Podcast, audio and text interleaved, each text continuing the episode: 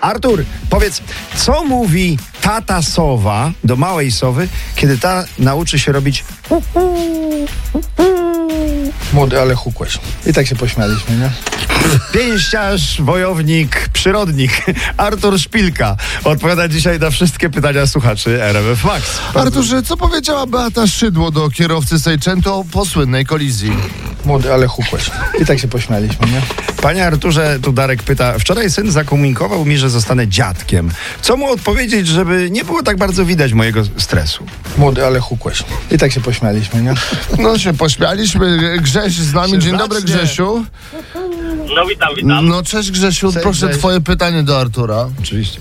E, Panie Arturze, co powiedzieć koledze, który zapomniał zaciągnąć ręcznego wczoraj, poszedł do toalety i bus e, zjechał sobie na latarnię? Młody, ale hukłeś. I tak się pośmialiśmy, nie? Pośmialiście się Grzesiu troszkę na parkingu? Nawet do teraz. Nawet do teraz. A jak kolega ma na imię jeszcze tylko? Powiedz tego pozdrowimy zaraz. Wstawaj, nie udawaj. Pamiętaj, słuchasz porannego programu w RMF Max. Dareczku, to jeszcze raz dla kolegi Grzesia Darka, to jeszcze raz dla ciebie pan Szpilka, proszę bardzo. Młody, ale hukłeś. I tak się pośmialiśmy, nie?